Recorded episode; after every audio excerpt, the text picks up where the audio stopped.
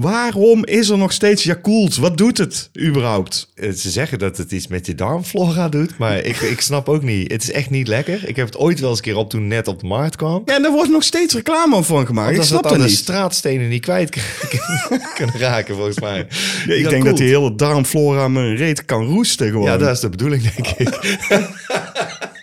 Ken jij iemand die Yakult Ik heb drinkt? elke keer het idee dat... Nee, ik ken niemand die Yakult drinkt. Ik heb nog nooit iemand gewoon echt spontaan zo'n flesje... en dan... Want het is goed voor mijn darmflora. Nooit. Nog Nooit. Ik heb gewoon het idee dat er ergens een batch verkeerd is gegaan... dat ze dachten, ah, oké, dan verkopen we dat wel. Ja, dat is gewoon zure melk. Ja, Eh, zure melk. Kijk of we dat eh, kunnen verkopen. Er zitten bacteriën in. Ja, is goed voor de darmen.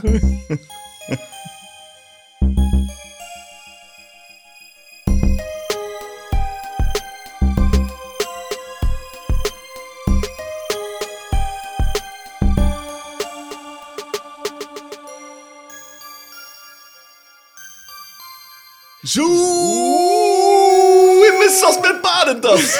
Ook zoiets, ja. Ja. Maar, dat is, Maar dat vind ik wel leuker. Maar dat is gewoon shampoo. Iedereen gebruikt wel shampoo Ja, natuurlijk. en dan ben ik dan ook echt in mijn sas. Ja. En zeker ook ben ik in mijn sas, omdat het de tweede aflevering is van het derde seizoen van Cinepraatjes, de podcast van Cinemaatjes. Yes, yes, yes, Yes. Gisteren waren wij ergens, Jean-Paul Arends. Dat klopt, wij waren zeker ergens. Ja, gisteren waren wij uitgenodigd door filmers. Ja. Misschien ken je die. Die ken ik zeker. Ja, jij, maar ik vraag, Oh, ik vraag zeg tegen de- zeg tegen de luisteraar, Ja, ja. ik heb nu tegen de luisteraar. Ja, Kijk jou aan, niet. maar ik heb tegen de luisteraar. Ja, dat, is verwarrend. Jij kijkt mij aan. En dan denk ik, oh, ik voel me gelijk aangesproken. Ja, maar de filmers, eh, dat zijn dus ook eh, vier eh, jongens die podcasts maken over films. Pim, Henk, Sander en, Richard. Ja, precies. Die vier lui. En eh, die hadden het eh, geweldige idee om alle filmpodcasters die zij kennen, of in ieder geval waar zij een beetje contact mee hebben, om die allemaal eens een keer uit te nodigen voor een nieuwjaarsborrel in Arnhem. En wij waren uitgenodigd, zo waar. Zo gezegd, zo gedaan. Wij in de trein, hoppakee. Echt een, een, een heel raar station hebben ze in Arnhem. Heel lelijk, raar, semi-futuristisch eh, station. En het eh, borreltje was eh, om de hoek, om de hoek. Om de hoek, om de hoek, ja. Ja, Klopt. dus wij, eh, wij togen naar binnen. Dat was leuk, want eh, we kennen elkaar natuurlijk, we hebben elkaar niet gezien. Dus dan is het van, oh, dan moet je een naamplaatje van, eh, hallo, my name is. En dan zo'n Ja. stickertje op je jasje plakken. Ja, Goed. Ja. Vertel Eh, maar, vertel maar. Ja, ik dacht, nou, dan schrijf ik even mijn naam op. En ik denk, ik heb dat stickertje er niet afgepulkt. en ik pulken, pulken, pulken. heb ik het op de achterkant gezet. maar het, het mooie hiervan is, is, ik was niet de enige. Henk had dit ook al gedaan, volgens ja, mij. Ja, dat zei hij, ja. ja. Ja, had hij liet hij ook zien. Ik zei, oh, oké, god, dan voel ik me wel minder stom. Wat een binnenkomer, hè? ik kwam niet meer bij. Ja, ik moest kwamen- ook heel hard om lachen, want het was gewoon zo stom. Maar goed, toen kwamen er dus steeds meer eh, lui binnenlopen. En eh, we, we hebben dus eh, kennis gemaakt met een hele hoop filmpodcasters. Ik die heb we... Mike van Dooiweert heb ik een keer gezien. Ja. Ik heb Niels gezien. Ik heb een movie gelul met vrienden. Die al, natuurlijk. Rietje, Rietje Vos. Ruudje Vos, die kenden we ook al. Maar, Gerto was er ook. Gerto en, En Melvin van. Shea Geek Ja. waren er. En de Conmoes, of Conmoes, ik weet niet hoe je het uitspreekt. De twee dames van, eh, Oh ja. die waren er ook. Was ook keigezellig. Eh ik had Moodfellas, eh heb ik nog even meegesproken. Oké. Al die lui. En het was nog gezellig ook. Het was super gezellig, man. Ja. We hebben gegeten. We zijn nog een keer naar een Irish pub gegaan. En nou, dan was het tijd om naar huis te stevenen.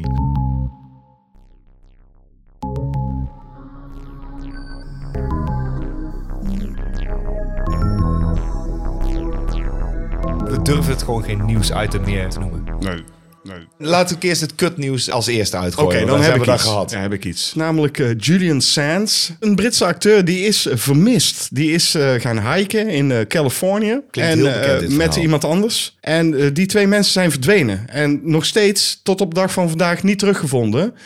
En dat is toch eh, verontrustend, want dat is toch al ruim een week geleden, denk ik. Eh, je kunt hem misschien kennen van eh, Warlock. Hè? Daar Ja, daar ken ik hem van. Dat is hem. Dat is, Ja. dat is Julian Sands. Of Arachnophobia, daar zat hij ook in.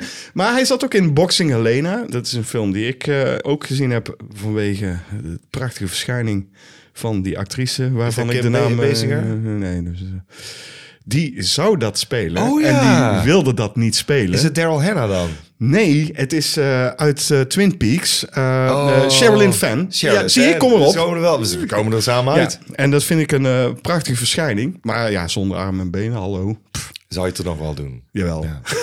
toch. Maar ja, die man is verdwenen. En wij hebben iets soortgelijks in onze Ja, daar zei ik, zat ik er omgeving, doorheen. eh. Eh, Mensen dachten van, wat zegt hij doorheen? Dat klinkt bekend. Ja, we hebben eh, zelf ook een... eh, zijn we iemand... nou ja, het stond niet heel dicht bij ons. Maar ik heb gewerkt in 013 en daar de directeur van was ook op een soort hike-tocht. En is ook nooit meer teruggekeerd. Nou, die hebben ze wel gevonden. Ja, maar toch, weet je wel, bijna hetzelfde verhaal. Gewoon van de verkeerde, verkeerde afslag genomen. Overmand door de hitte. Op een plek in... in een soort- Ironisch genoeg in Death Valley. Ja, ik vind het treurig en ik hoop dat hij gevonden wordt. En ik hoop dat hij gewoon eh levend, Levend gevonden terug, wordt. eh, Ja. gevonden wordt. Maar tot zover weten we dat nog niet. Het kan best zijn dat als deze podcast uitkomt, dat die... eh, Dat hij er alweer is. ja, nou, Dus, eh, erover. Ja. oh, wat erg. Jij hebt ook kutnieuws. Ja, ah, jeez, Rick. Justin Roiland, die eh, schijnt kennelijk zijn vriendinnetje te hebben mishandeld of hebben opgesloten. Hij heeft allerlei charges boven zijn hoofd hangen. En daarmee hebben de fans eh, eigenlijk gewoon Rick en Morty de rug toegekeerd. Nou, ik niet. Nee, ik kan het loszien van de persoon. En nogmaals, ik weet niet in hoeverre dit waar is en wat er precies eh, is gezegd, want ik heb geen idee. Hij ontkent het natuurlijk in alle toonaarden, maar het, eh, dit kost hem wel eens een beetje zijn carrière, denk ik. Want ja, als je eenmaal gewoon beschuldigd bent, dan hang je gewoon. Ja. Dan zijn er ook nog wat tweets naar buiten gekomen, die ik dan zelf, denk ik, ja, in context is dat waarschijnlijk gewoon een gesprek wat hij met een meisje heeft gehad. Dan denk ik, ja, maar dan zeg je zulke dingen. Dat vond ik niet zo heel opzienbaar, maar mensen wel. Zo, oeh, dat is wel heftig hoor. Dan dacht ik, eh, ik weet niet. Heel lastig dit. Is heel lastig in te scha- schatten. Als er iets is gebeurd, dan is het vreselijk. Want eh, de toekomst van Rick en Morty staat nu wel op het spel. Dat hoop ik toch niet eigenlijk. Dat hoop ik eigenlijk ook niet. Maar ja, de- dit vind ik wel jammer. Want ik, je hoort het wel vaker dat mensen zo enorm van een voetstuk vallen. En eigenlijk meer de laatste jaren. Nou, het is eigenlijk al van alle tijden. Maar het valt op dat je zou vandaag de dag toch beter moeten weten. Zeker met hoe snel dingen naar buiten komen en hoe snel dingen uitkomen. Begrijp ik gewoon niet dat je zo ongelooflijk jezelf laat kennen. Van, oh, dan was het misschien maar een keer een dronken bui. Of je bent misschien een, een, beetje een, een pusbuil die gewoon narigheid uitvreet. Maar ja, je weet gewoon dat er uit gaat komen. En ik denk van, als jij in een succesvolle serie zit, dan hou je je toch in. Ja, maar misschien is dat daarvoor al geweest. Ja, dit was ergens in gebeurt- 2020 dus. Dus eh, tijdens de pandemie. En toen is er iets voorgevallen. En dat meisje heeft hem dus aangeklaagd. Zij beschuldigt hem er dus van dat hij haar heeft, opgesloten. binnen heeft gehouden. Wat dus moest in de pandemie. Hè? Ja, ik denk Je- dus dat er zoiets aan ten grondslag ligt. Ja. Van jij gaat nu naar buiten. Nee, je mag En dan- niet naar En buiten. dan is hij dus waarschijnlijk, weet je wel, dat is wel strafbaar. Nogmaals, we weten het niet. Want Nee, we, we, niet kunnen, ja, we kunnen Nee. alleen maar gissen. Maar dat wat jij net zegt, dat dacht ik ook van, ja, dat kan op zo'n manier zijn van, ja, jij, jij gaat niet naar buiten. Dat is opsluiting. Ja. Maar als zij over de zeik is gegaan, ja, dan hang je als man zijnde. Dan ben je een eh, ontvoerder en een eh, pisvinger. Dan hebben wij dus straks geen Rick en Morty meer. Ik, zou het heel rot vinden. Maar ik denk niet dat hij, eh, hij is niet te vervangen. Nee, hij is niet te Hij vangen. doet beide stemmen notabene. Hij schrijft er ook aan mee. Ja, maar het is zijn creatie ook. Het is Ja. de creatie van Justin natuurlijk. Ja, dat maakt het zo, zo zuur. Als hij eruit ligt, dan stopt het gewoon. Het is, Ja. het is zijn creatie. Nou, laten we hopen dat het dan met een sisser afloopt. Dat hoop ik ook. Nou goed, dat is het kutnieuws. Eh, we hebben nog meer. Nou, leuke nieuws. Ik heb twee trailers gezien. Jean-Paul Arends. Ik ga het eerst over... Oh ja, eh, William van der Voort, die zit oh tegenover ja, mij. Ja. Ik ga het eerst eh, over de nieuwe film van Ari Aster hebben. Oh ja! We kennen Ari Aster van Hereditary. En- Hereditary. En, van eh Midsommar. Midsommar. Twee bijzondere films. Misschien niet alle twee even goed, wat mij betreft. 100% mee eens. Wel al twee A24 producties. En dat is deze film ook. De nieuwe film van Ari Aster. En die heet Bo is Afraid, volgens mij. Met in de hoofdrol... Zo heet hij. Bo is Afraid volgens mij. Ja, volgens mij, ja. ja. Voor, Goed. Nee, hij heet Bo is Afraid, volgens William. Oh ja. Bo is Afraid volgens William. Ja, ik heb die trailer ook gezien en ik moet zeggen, eh, geen idee waar het over gaat. Ja, je, je ziet eh, jouw favoriete acteur, of ons aller eh, favoriete. Op zijn River- lelijkst, hè? Ja, Op River- zijn lelijkst. River Phoenix. Nee. Hoe heet die? Joaquin. Oh, dat bedoel ik, Joaquin. River Phoenix. Ja, oké. River Hij is terug uit de dood. Jezus, waar haalde die ineens Nee, nee, ik veel. Dat komt van diep. River Deep, Ja, Mountain ja, High. Ja, precies. Anywho, ik zag dit en dacht ik, oh nee, heb ik eigenlijk op zich wel zin in. En dat zegt dan helemaal niks over zijn vorige film. Dus Nee. het is niet zo dat ik dacht van, oh, dan ben ik afgehaakt. Nee, ik zag deze trailer en ik denk, nou, dat ziet er eigenlijk verdomd interessant uit. Waar gaat hij over? Ik denk dat hij over ehm Bo gaat, gespeeld door Joaquin Phoenix, hè, zoals dat moet zeggen. En die gaat op bezoek bij zijn moeder, terwijl hij een middelbare leeftijd heeft. En waarschijnlijk is er in het verleden iets voorgevallen met zijn moeder. Ik denk dat hij daarom een rare band heeft met zijn moeder. Dat dat ook een beetje een ding is. Ik ga mijn moeder bezoeken. Hij bespreekt dat met zijn psychiater. Tenminste, dat haal ik dan uit die trailer. En de film lijkt een beetje een fantasy kant op te gaan. Ja, dat denk ik. En het ziet er wel heel tof uit. En je hebt uh, Joaquin Phoenix op zijn lelijkst. Mijn vriendin zal uh, niet blij zijn met deze prestatie van Joaquin Phoenix. Want ze geldt op Joaquin. Ah. Heb ik al eens verteld in deze podcast. Ja, ja, ja. In dit geval zal ze Dus, zeggen... nou, als, als die zo uitziet, dan hoeft mij niet meer. Nee, dat is geen, geen river uh, die nee, er vrij droog kutje gewoon. Ja. Oh god. Nee, Heb ik die River, gezegd? River Phoenix. Er luisteren toch geen jonge luisteraars. Nee, ja, misschien... uh, Oh, jawel, die oh, ja, die kinderen van, van, eh, Kevin. Kevin. Ja. Mam. Kutje, wat is Kutje. dat? Hoezo, droog? Hoezo kan dat droog zijn? ja, dat kan wel eens droog zijn, jongen. Dat zal ik jou zo fijn uitleggen. Nou, dit is de laatste keer dat we die podcast luisteren. Dat is klaar. Maar goed, ik heb nog een trailer gezien en daar wil ik het even ook over hebben. Ik heb namelijk de trailer gezien en je hebt uh, in de vorige podcast Ja. al over deze Ja. film gehad. Want toen had jij een poster ervan gezien, daar vond jij al Een nieuws. plaatje al Ja, een gezien. plaatje, fuck it. En toen zei ik, ja, en hij zit in, eh, in de metro. En dan zei je, nee, hij zit helemaal niet in de metro. Hij zit wel in de fucking metro, dus heb ik toch in die Dat trailer gezien. zat hij toch niet in de metro? Ja, maar ik heb het toch in de trailer, zit hij wel in de fucking Ja, maar metro. dat wist ik al wel. Maar, ik goed. dit niet, ja. Ja, nou, het is dus de trailer van Scream 6 met Ghostface. Oh man, verschrikkelijk. Jenna Ortega zit erin. Dat is altijd leuk, denk ik. Ja. Eh, Tenminste, ik vind dat een leuke actrice. Zat ook in woensdag, hè? Eh, maar ja, Ghostface zit dus wel in de metro. En daar in de metro zit hij met allerlei eh, ja, iconische killers. Ja. Eh, daar, zit hij, daar hoort hij dan bij, blijkbaar. En ik zei nog, ja, zo iconisch vind ik het niet. Die Ghostface. Maar Pinhead en Freddy zag ik zijn. En Ja, volgens mij. Michael Myers. Die zaten allemaal... Het, ja, het speelt zich waarschijnlijk dus weer af. Wel in New York, maar dan tijdens Halloween. Dat denk ik dan. Dan he- heb je ook in de trailer zie je een verweerd oud masker. Ja, weet je, à la Michael Myers, eh, ja, de reboot. Courtney Cox bedoel ik dan eigenlijk. Oh. Snap. ja, nou was een grapje. Maar inderdaad, een leuke grap. Ja, dat verweerde oude masker van Ghostface zie je ook. Ja, dat hebben ze gewoon ook gejat van Halloween. Daar moest ik meteen aan denken. Maar dat vind ik niet erg. Ik vind dat wel, het heeft iets. Oké, maar het allerergste. Ik was dus die trailer aan het kijken. En voor mensen die hem nog niet gezien hebben, ga dit terugkijken en luisteren. Ik laat het ook even horen nog. Ja. Ongeveer halverwege de trailer. Onthullen ze een soort eh, Ja, dan- hal met allerlei eh, gewaden. Precies. Die, die door de, Ja, de ja, tijden ja, heen ja, ja. zijn dit de moordenaars geweest. Ja. En dan denk je, nou, dat belooft wat. Want Ja. er is iemand die heeft een shrine Ja, gemaakt. It's a shrine, inderdaad. En dan zegt een van de personages het volgende. Ik laat het gewoon horen zoals het in de trailer is.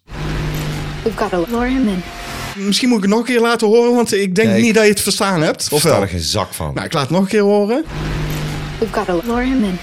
Nog steeds niks. Ik heb dit dus serieus waar zeven keer teruggekeken om te bepalen van wat Of kun zeggen je ze. het echt horen? Je, natuurlijk zegt iedereen nu roepend naar de, naar, eh, de luidsprekers. Ja. ja, maar dan zet je toch gewoon de ondertitels aan. Heb ik gedaan de ja, laatste keer. ja, om te weten wat er gezegd wordt. Wat Dan wordt er gezegd? Ja, Ja. wat wordt er gezegd? We've got to lure him in. We moeten hem in de val lokken. Dat wordt er gezegd. Dat haal ik er niet uit. Deze zin is uit zes zinnen geknipt. Het klinkt heel Nie- mechanisch. niemand heeft dit ooit gezegd. We got lure in. Nee, dat klopt Klein niet. Ik laat het nog één keer horen. We've got to lure him in. Ja, het- het is gewoon een achterlijke stomme fout dat er zoiets in zit. En dat vind ik jammer. Maar ja, een trailerbedrijf maakt natuurlijk dit soort trailers. Ja. En die moet zich kapot schamen. Want Die het, moet zich eh, kapot schamen, echt. Dit kan gewoon niet. Ik kan hier niet naar luisteren. Nee, het is heel dom. De film zelf lijkt me heel leuk. Ik vind Scream een leuke reeks. Maar eh, ja, dan denk je ook van, eh, oké. Als productiehuis, dan, dan krijg je die trailer opgestuurd. Ja. Nou, dit hebben we gemaakt. Iemand luistert daarna, toch? En die gaat dan zeggen... Oh, ja, maar dat zinnetje kan niet, hè? Ja, als productiehuis heb je dit dus naar buiten gebracht. Van, nou, dit is hem. Dan zeg je toch... eh, Hallo, kun je even dat zinnetje opnieuw doen? Dat kan toch gewoon iemand zeggen? Dat maakt echt niet uit of dat Dat is nou... klaar, ja, zet hem maar online. Jenna zet hem maar online. Ortega of Ja. jouw vriendin of eh, weet ik veel, je oma het zegt. Dat maakt geen flikker Ik uit. ga de lure in.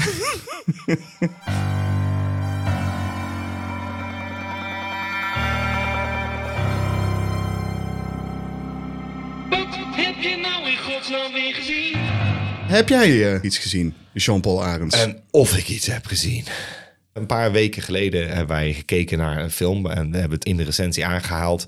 En ik trapte toch in die valkuil. We hebben gekeken naar When a Stranger Calls. Ja, en daar kun je nog onze review van zien op youtube.com slash Slash. Dutch Nerd Club. Wij vonden hem eh, niet zo goed, omdat het eerste half uur fantastisch was. En toen zaten wij al te speculeren van... ja, zou je gewoon eigenlijk eh, heel de film eh, moeten doen? En in mijn achterhoofd had ik zoiets van... volgens mij heeft de remake dit toen gedaan. En het was echt al lang geleden, want het is volgens mij 2006 of zo. En ik was verbaasd van, oh, 2006? Nou, die heb ik al heel lang niet gezien. Ik geef hem eens een keer een slinger. Dus je hebt When a Stranger Calls, de remake, gezien. De remake ben ik gaan kijken. En het begint met iets waarvan je denkt... oh ja, het is eigenlijk wel clever. Met een eerste moord. Je ziet een huis, gaat een licht aan. Daarachter is een festival bezig en ze zoomen in op dat festival. Dan krijg je echt een vreselijke, afgrijzelijke fucking montage... waar tuk, tuk, tuk, toes. Dan ze- zoomen ze in op ballonnetjes en op mensen die... kuk, kuk, kush. Echt van die flash editing. Ik weet precies wat je bedoelt. Ja, het is echt van, oeh, dat is erg modern, maar ook heel erg achterhaald. Dan cut naar het huis terug en dan, ah, en blijkt dus iemand vermoord eh, te worden. Dan weten wij dus als kijker, oh, er loopt een moordenaar rond. Dan komt er in één keer 120 mijl verderop. En dan is er een meisje die eh, wordt door de vader eh, afgezet bij zo'n eh, afgelegen huis. Dat is ook natuurlijk een ver- verlaten plek Ja. waar zij wordt gedropt. En dan moet zij in er eentje, en ook hetzelfde. Oh, nou, wij moeten gaan, als we langer weg blijven, gaan we naar de film. Het is helemaal hetzelfde. Maar dan, zij blijft al die tijd in dat huis. Dus ze werpen wel wat dingen op, maar elke keer denk ik, het is zo knullig. Weet je, ook qua spanningsopbouw is het zo knullig gedaan dat je...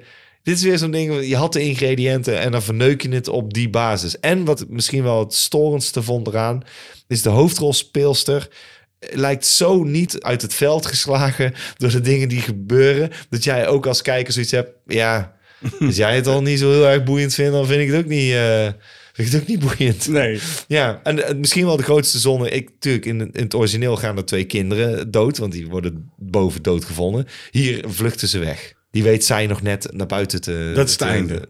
Ja, Spoiler. nee, zij, zij weten hem natuurlijk ook dan wel zelf te verslaan. En dan eh, wordt hij gearresteerd en dan rijdt hij weg in de auto en dan zoomen ze nog in op zijn hoofd. Dus het is eigenlijk eh, alleen maar die moord in het begin. Ja, die krijg je niet te zien. Die krijg je niet te Nee, zien. hoort het, het is, het is een bodycount van nul, dus eigenlijk. Eh dus, dus een bord- nee, de, de, de vriendinnetje van haar komt ook langs en die Oh. wordt vermoord. Ja, toch wel. God, er moet nog even iemand langskomen. Ja. Ja, ook stom. Had zij de vriendin zelf gebeld van ik word lastiggevallen of eh, wat? Nee, heeft ze- die besluit zelf om gewoon eh, haar even lastig te komen vallen. Ja, volgens mij heeft zij geslapen met een vriendje. Er is nog een sideplotje waarvan je denkt, dit had er allemaal niet in gehoeven. Hè? Maar zij, zij valt haar echt lastig Ja. in, de- in de zin Boe, van... zij laat hem schrikken, Oh, haar maar- schrikken van, ik hoor iets in huis. En dan denk ik, ah! Dan komt zij in één keer. Ah, verrassing, kom, we gaan wat drinken. Ja. Dat is van, ja, maar wij hebben eigenlijk een beetje ruzie. Ja, nee, maar dan ah, zand erover, bla, bla, bla. Oké, ja, ja. Ja, die gaat dan op een gegeven moment naar huis, denk je. Maar als zij naar huis gaat, wordt zij vermoord. En later wordt zij dan in het huis teruggevonden. Dus je hebt er ook niet vermoord zien worden, of wel? Eh, nee, ook niet. Dat is, het is vreselijk. En er zit een spannende scène in, zogenaamd, eh, met een soort volière met water, waar eh, pakietjes in zitten. Mhm. En dan eh, moet de hoofdrolspeelster op een gegeven moment kinderen wegsluipen. En dan moet ze mist aanzetten, zodat de moordenaar hun niet ziet. En dan weet ze die kinderen weg te loodsen en dan kruipt zij zelf onder een soort bruggetje. Onder water ligt, dit krijg je wel te zien, Ja. nog een lijk, de dienstmeid. Oh, die is ook... eh, Ja, maar ook weer zo'n dingetje van... waarom introduceer je een dienstmeid? Ja, als je iemand hoort, dan is het Rosa, onze dienstmeid. En die is boven. ja, kan die niet ook even op de kinderen passen dan? Ja, daarom. Snap je wat nou wat ik zeg? Ja. Onzin dus. Allemaal dus dan, onzin. Ja, dus hadden ze geen dienstmeid Maar je, moeten je hebt hebben. het over een foyer met een bruggetje. Ik, Ja, dat is in een het flinke huis- foyer, of niet? Het is een kast van een volière. Dat snap ik. Nee, het is een heel groot huis. En in het midden van het huis is een soort open ruimte dat afgedekt is. Dat is een volière met een eh, watersysteem en, Mm. een, en een Japanse garden met zo'n bruggetje erin. Zij gaat op een gegeven moment onder een houten stijgertje liggen. En dan komt die moordenaar aan, doek, doek, doek. En dan onder water, dan ziet zij dus het lichaam van die dienstmeid. Helemaal geschrokken, moet ze zich inhouden. En, maar het is niet spannend. Dat is het ergste. Nee. Van, Oké, dat had spannend kunnen zijn. Oké, dan Is komt het- ze boven en dan probeert hij haar te grijpen. En toen dacht ik, maar het is serieus een halve meter diep. Als je haar wil pakken, dan doe je kloek, kloek, stap je van het bruggetje af en dan pak je haar gewoon. Maar hij kan er niet bij. En toen dacht ik, dit is achterlijk. Dit is echt achterlijk. Maar goed, even, eh, het is dus een enorm huis waar zij... eh, Echt een eh, kast van ja, een Het huis, is ook ja. een kast van huis, inderdaad. Ik vraag me af, hè, is het dan ook dat je van buitenaf ook shots krijgt? Ja. Dat, ze, dat je haar binnen ziet? Dat je denkt van, de oh, ze zit daar naar doen. buiten. Ja, oh, god. ja. Oh, de dreiging komt van buiten. Nee, de dreiging komt niet van buiten. eh, het huis is aan een, volgens mij een soort meer of een water in ieder geval. Dus dat krijg je ook nog te zien. Weet je wel, je had hier een heel op mee, mee kunnen doen. En het, is, het faalt. Het faalt in de editing en het faalt in de regie. Het is wel de regisseur van eh, Tomb Raider. Ja, nou ja, dat noem Nou, ik daar al. Ja, godverdomme. Oké, nou... Wat eh, heb jij gezien? Ik heb ook iets gezien, inderdaad. Oh. Ik heb gekeken naar Boiling Point. Een film uit 2021. ja, ik zal even kort eh, zeggen waar die over gaat. Wanneer chefkok Andy Jones aankomt in zijn restaurant... voor misschien wel de drukste avond van het jaar... blijkt er een inspecteur voor voedselveiligheid... een soort Rob Geus, hè? Ja, ja. Ja, daar word ik niet blij van, hè. Man, man, man. Ben ik niet blij van, hè. Nee, nee, nee. Eh, nou, die is daar dus aanwezig. En eh, die geeft dus aan aan eh, de chefkok van... ja, er zijn wat kleine probleempjes... waardoor de beoordeling van jouw restaurant is gezakt. Maar gaandeweg blijkt dat dat niet de enige problemen zijn... waar Andy en zijn restaurant mee te kampen heeft. Hij is volgens mij wel uit 2021 dat jij zegt. Maar ook even corrigeren. Hij is hier pas gaan draaien een paar maanden geleden. Ik weet dit namelijk omdat iemand hem echt een paar maanden geleden is hij echt uitgekomen. Oké, ja, dus, nou goed. Dus mensen kunnen hem waarschijnlijk nu nog steeds zien. Het is een redelijk nieuwe film. Dus, ja, op Amazon ik Prime. zeggen. Op Amazon Ah, ja, Prime bedoel ik. heb ik hem gezien. Ja. De film is opgenomen in de corona-periode Ah. in Londen. En eh, daar speelt het zich ook af. En eh, de film is één lang shot van ruim anderhalf uur. Is er in gecheat, denk je? Er is niet in gecheat. Ik oh, heb- dit hebben ze gewoon echt gewoon, eh, net zoals Victoria, in één take gedaan. Ja, de regisseur Philip Barantini, die eh, wilde eigenlijk vier avonden opnemen en dan twee shots per avond. Maar omdat het dus corona was en er dus een behoorlijk grote groep mensen bij elkaar is die die film maakt, Ja. was dat te gevaarlijk? Of dacht hij van dit is te veel risico en heeft hij besloten, of misschien mocht het niet, weet ik ook niet. Hij heeft besloten om het eh, in vier keer te doen, dus twee avonden van twee eh, opnames en de derde take is het geworden. Eh, Ik vind het gaaf is dat je dan dus alles moet oefenen. Maar dat vind ik nooit verkeerd voor een film. Ik denk dat als je met acteurs aan tafel gewoon je scènes doorneemt, dat dat heel goed is. Dat helpt je film alleen maar. Ja. Dan kun je ook veel makkelijker zeggen, oh we gaan een paar dagen filmen en het staat erop. Nou ja, kijk, als je een film in, in one shot maakt, dan valt en staat dat gewoon bij strakke lijnen. Bij een choreografie, bij wijze van Zeker, spreken. want je moet weten waar die camera naartoe gaat. Eh, Precies. de, de acteurs moeten weten waar ze moeten staan, waar Ja. ze moeten zijn op dat moment. En voor, waar het plot ze moeten hebben, zeg Ja, maar. Ja, ja. dit vereist heel veel eh, strakke planning. Ja, en dat hebben ze dus echt heel goed gedaan. En eh, de wijze van filmen geeft het ook een beetje een documentaire-achtige feel. En je hebt dus echt het idee dat jij in de hectiek van een restaurant terechtkomt. In de hectiek van een keuken van een toprestaurant. Ja. En de hectiek van de bediening. Is het een beklemmende film? Het is best wel beklemmend, omdat je, ja, je zit gewoon continu erop. En je volgt over het algemeen natuurlijk chefkok eh Andy. eh, die wordt het meeste gevolgd. Maar op een gegeven moment gaat de camera gewoon eventjes met een ander personage mee. En dan krijg je toch ook ja, wat meer informatie van wat is dit nou voor een restaurant en wat, wat voor mensen werken daar nu. Het, geeft een heel realistische kijk op het restaurantleven. En het gave ook ervan is. eh, en daardoor had ik ook zoiets van: ja, dit, dit hebben ze zo goed geoefend. En zo strak is dit geregisseerd. Op een gegeven moment zie je gewoon scène afspelen ergens. En dan heb je dus een shot waarin je bij wijze van spreken het hele restaurant ziet. Maar de scène is op de voorgrond. Achterin ja, zie je gasten zitten. Je ziet de keuken ook op de achtergrond. En je ziet gewoon iedereen gewoon doorgaan met acteren. En iedereen weet gewoon wat er gaat gebeuren. Zometeen komt die camera hier weer langs. En het is gewoon zo fucking realistisch gedaan. Eh Stephen Graham speelt... Andy Jones, de chefkok. Eh, die ken je misschien van Snatch. Een hele goede, overtuigende acteur is dat. En iedereen speelt echt vol overtuiging eh, de rol die ze hebben. Alles wordt echt zo realistisch neergezet... dat je gewoon bijna denkt, ik zit een documentaire te kijken. Ja. En dat je gewoon echt meegenomen wordt in dat leven gewoon. En het verhaal wat er verteld wordt. Ja, die Andy, die heeft gewoon problemen. En die problemen zijn groter dan alleen maar wat zich in die keuken afspeelt. Ja. En ja, dat wordt steeds meer uit de doek gedaan. Dat is ook heel knap als je dat in één take allemaal moet doen. Dat is gewoon echt heel knap. Ja, ik hoorde er alleen maar eh, goede dingen over. Dus, eh, en hij staat op eh, Amazon, Prime. Prime, Nou, die ja. heb ik net. dus ik weet wat ik kan gaan kijken dan. Ja, ik zou hem zeker aanraden, ook al ben je niet per se van het drama. Nee, maar deze had ik al wel gehoord. Nee, want iedereen denkt, ik ben niet per se van het drama. Maar sommige dingen spreken mij wel aan. Eén shot, die acteur spreekt mij aan. Dan wil ik het echt wel een kans geven. En dit klinkt als iets wat ik wel tof vind. Ik weet zeker dat je het gaaf vindt. Ja. Alleen al om de techniek van... De choreografie en hoe dat allemaal samenkomt. Precies. Ja, daar, daar kan ik zeker waardering voor opbrengen. Gaaf. Oké, heb je nog iets gezien? Ik heb gekeken naar When a Stranger Calls. Back. Dat is eh, het directe vervolg op de film die wij dus eerder hebben gedaan. De originele... De originele. When ja. a Stranger Calls. Ja. En daar heb je dus het vervolg op gekeken. Ja. Heb, je, heb je die na of voor de remake Daarna. gekeken? En ik was eigenlijk blij dat ik dat had gedaan, want het is een veel betere film. Raar, want het is een televisiefilm waarbij ook Carol Kane terugkomt Ja. en ook die politie-inspecteur. en voordat je denkt, oh, ik hoop maar niet dat ze dezelfde fout maken. Bijna, maar ze doen datgene waarvan wij in de eerste film zeiden dat hadden ze moeten doen. Oké, maar dat vind ik heel raar, want Carol Kane is in When a Stranger Calls, hè, de originele. Ja. Zeven jaar verder is zij gewoon moeder. Wat gebeurt er dan in When a Stranger Calls Back? Vertel mij, is het verhaal van Een When babysitter wordt op een andere manier lastiggevallen in een huis. Dat is ook weer de eerste 20 minuten van de film. Dus dezelfde structuur. Alleen dit is heel creepy. Want het is iemand die aan de deur komt en die zegt... Hallo, eh, kan ik hier misschien even bellen? Want mijn auto eh, heeft pech. Ja, dat en zij heeft zoiets van... Ja, dat je niet vertrouw ik niet. Nee. Kunt u dan alsjeblieft voor mij de wegenwacht bellen? En zij zegt, oké, dat ga ik doen. Maar dat doet ze niet. Dan loopt ze terug. Nou, ik heb gebeld. Ze komen er over een half uurtje aan. Ja, dat is stom. Dat is ook heel stom. Maar dan na een half uurtje, dan staat hij er dus van... Hallo, kan ik echt niet heel even binnenkomen om te bellen dan? Nee, nee, kun je ze dan voor mij opnieuw bellen en vragen of, of waar ze blijven? Je hebt de gegevens toch nog, die je hebt opgeschreven? Als je dat heel even wil doen. Dit duurt heel lang, dit En ze gesprek. belt weer niet, zeker? Nee, ze belt weer niet. Volgens mij is ook, als ze terugkomt, is dat blad weg. Ja, waar ja. ze alle gegevens op heeft geschreven. En zo kom je er dus achter van, er is iemand in huis, toch? En dat blijkt ook inderdaad. Op de, en dan oh, rent ze weer in de armen van nu, in dit geval, de mensen op wie ze moest babysitten.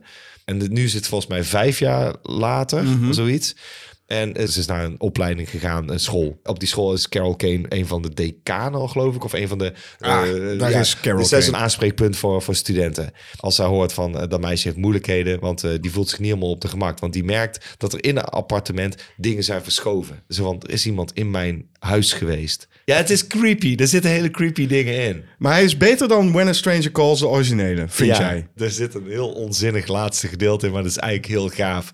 Hij heeft foto's gemaakt van het appartement van Carol Kane, want hij kan overal binnenkomen, kennelijk. En dan heeft hij, dit keer eruit knippen hoor, maakt me helemaal niet uit. Dat gaaf. Laat er gewoon in zitten. Oh, oké. Ehm, hij heeft zich op een gegeven moment gesminkt als de muur. Dan zie je hem niet en dan doet hij zijn ogen open en dan zie je dus dat hij op de achtergrond staat. Ja, en, zo ja. van, en dan zo, zo, zo Dan moet ik een beetje denken aan die, eh, dat liedje, heet ook weer? Somebody That I Used To Know van Gotye Ja, of zoiets. ja, ja, ja. Heeft hij zich zo gesminkt. zo heeft hij zich, zo heeft hij gesminkt. en, dan- en zij ziet hem dan niet, gewoon. Nee, dat is het mooie, want als je het ziet, denk je, hij is ergens op de achtergrond vast. Ja, ja. En dan in één keer doet hij zijn ogen open. Is van, oh kut, hij is, dat is wel heel gaaf. Ik vond het ook heel gaaf. Ja, oké, ik ja. Die dingen zijn heel leuk gedaan. Wat ik creepy vond is, de hoofdrolspeelster die doet een zelfmoordpoging. Mhm. Maar ze heeft het overleefd. Dus ze ligt in een soort coma nog in bed. Dan vinden ze op een gegeven moment Polaroids. Maar dat is Polaroids dat hij haar ontkleedt. Dat is creepy. Serieus creepy. Dus wel Tito ook. Ja, Alright. zit er wel in. Ja, ik ben benieuwd. Ik vond hem toch wel leuk. Ik denk dat we misschien nog wel gaan doen. When a Stranger Calls Calls Back. back. Alright. Heb jij nog iets gezien? Of eh, kunnen we het afronden? We kunnen het bijna afronden, maar ik wil heel even kort iets aanhalen. Ik heb namelijk gekeken, hè, en je weet dat ik daar eh, naar uitkeek ook, The Last of Us. The Last of Us. The Last of Us, de eerste twee afleveringen heb ik gezien van deze serie die dus gebaseerd is op een PlayStation game. En dat vind ik de allervetste PlayStation game die er is. Nou, in de eerste aflevering leer je Joel kennen. Ja. En die ken, ik ken ze natuurlijk al, want ik heb de game gespeeld. Maar hij is met zijn dochter en dan merk je ook wel dat er iets aan de hand is. Je hoort heel veel sirenes, je ziet allemaal helikopters overvliegen. En dan blijkt dus dat de wereld is geïnfecteerd met een gevaarlijk virus, waardoor mensen een soort van zombies worden. Het Ja, zijn het een soort schimmel, een Schimmelinfectie, schimmelvirus, een ja. schimmelinfectie die je overneemt. Precies. Ja, dat heb ik Nou, gehoord. Joel en zijn broer samen met die dochter, die eh, moeten dus op een gegeven moment vluchten, want ja, het, het gaat echt de verkeerde kant op. En dan eh, ja, gebeurt er iets. Ik ga het allemaal niet verklappen. Je moet maar gewoon kijken als je wil, of de game spelen. Twintig jaar verder, dan is Joel een hele Norse man. Die zit in een quarantainezone, waar ze dus eh, eh, zich van dat virus eh, ja, beschermd hebben. Ja. En die krijgt dan een opdracht om een meisje van 14 te vervoeren naar een basis van een rebellenclubje. De wereld is veranderd, hè? Dus Ja, ja. eh, goed, dat leer je allemaal kennen. En zij heeft waarschijnlijk het antwoord op dit virus. Dus dat is allemaal heel belangrijk. En dat krijg je ook te zien in de eerste twee afleveringen van deze serie. Ehm, je wordt er ook meteen ingezogen. Bij het spel is dat heel erg natuurlijk, omdat het interactief is. Ja, tuurlijk. Ja, je speelt een karakter. Dus op een gegeven moment zit je ook echt in dat spel. En dan wil je ook gewoon weten hoe gaat het nou verder. En dat proberen ze ook in deze serie te doen. Dat jij heel erg erin wordt gezogen. Dat als je die game niet gespeeld hebt, moet jij daar ook ingezogen worden. Dus Ja.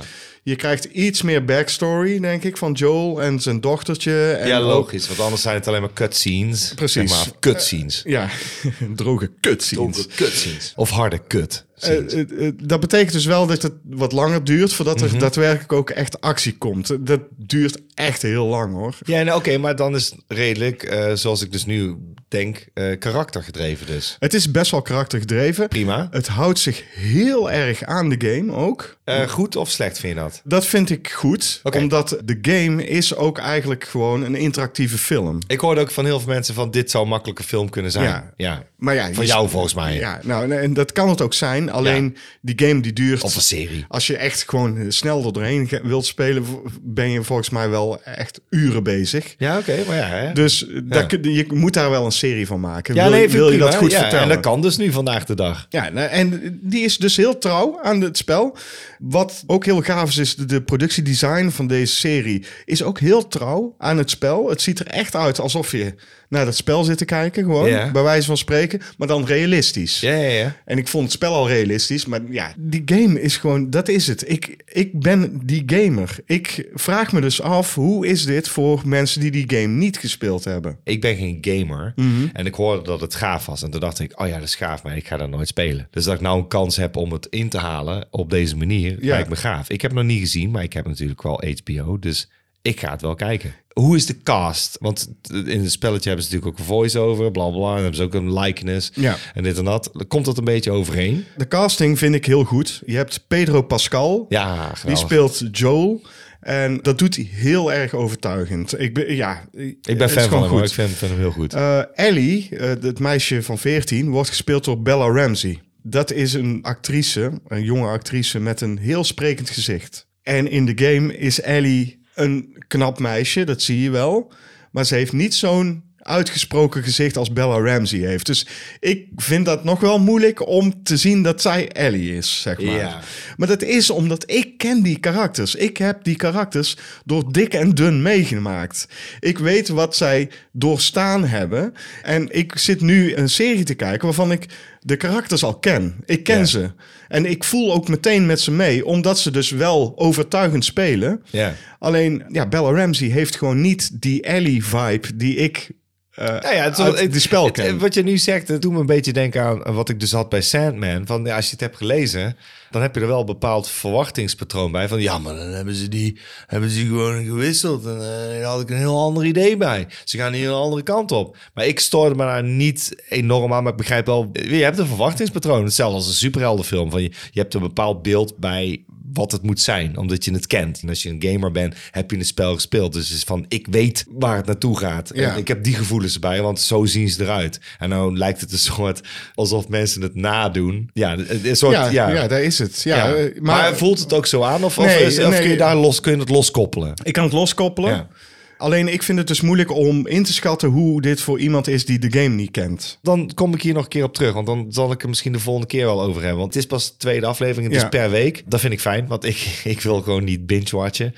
Ik kan dus nog instappen. Ja, kijk, in de game ben je zo interactief bezig, dan zit je sneller in de actie. Je moet dingen doen. Ja. Is dat spel dan sneller? Ja, dat ligt er ook een beetje aan hoe snel jij door zo'n spel heen gaat. ah, zo ja, tuurlijk, ja. Maar goed, het pakt gewoon wel alle punten van het spel mee. En dat is gewoon goed, want het spel is gewoon een voortreffelijk goed verteld verhaal. En ik ben ook blij dat ze er een serie van gemaakt hebben en niet een film. Want in een film krijg je dat niet verteld. Nee, dat zijn van die zeldzame momenten dat ik denk, ja, en daarvoor zijn series dan. Want eh, eh, nogmaals, ik ben, je weet dat ik geen voorstander ben van series. Maar ik begrijp wel dat, ook als ze zeggen, we pakken een stripreeks. Bijvoorbeeld, eh, simpel, nog kom ik weer bij Sandman uit. Van, ja, dat had geen film kunnen zijn. En dan denk ik, ja, dan is het goed. Dan mag het van mij. En in dit geval denk ik ook, omdat ik dus weet dat het urenlang spelen is. Ja, dan moet het een serie worden. Oké, nou ik ben benieuwd wat je van vindt en dan hebben we het er nog wel een keer over. Precies.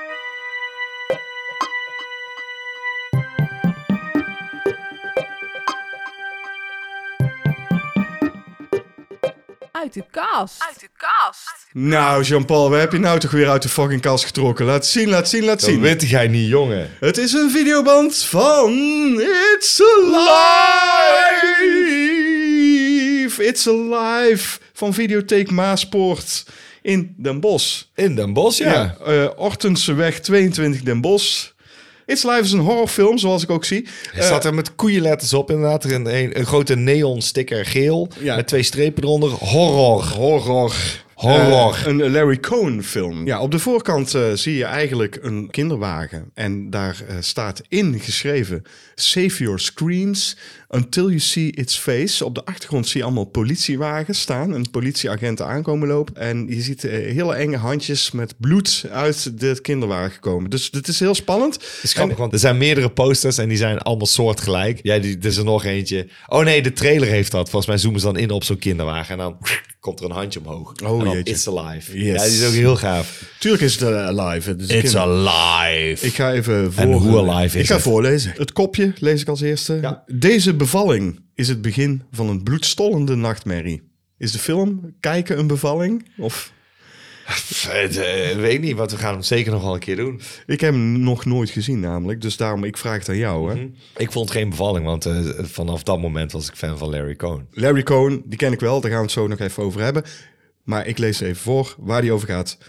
Lenore Davies merkte al spoedig dat de bevalling van haar tweede kindje aanzienlijk moeilijker en zwaarder zal zijn dan die van haar eerste. Ondanks haar ongerustheid verzekeren de artsen in het ziekenhuis dat alles volkomen normaal zal gaan verlopen. Maar wanneer de bevalling dan uiteindelijk plaatsvindt, blijkt dat alles helemaal niet normaal zal verlopen.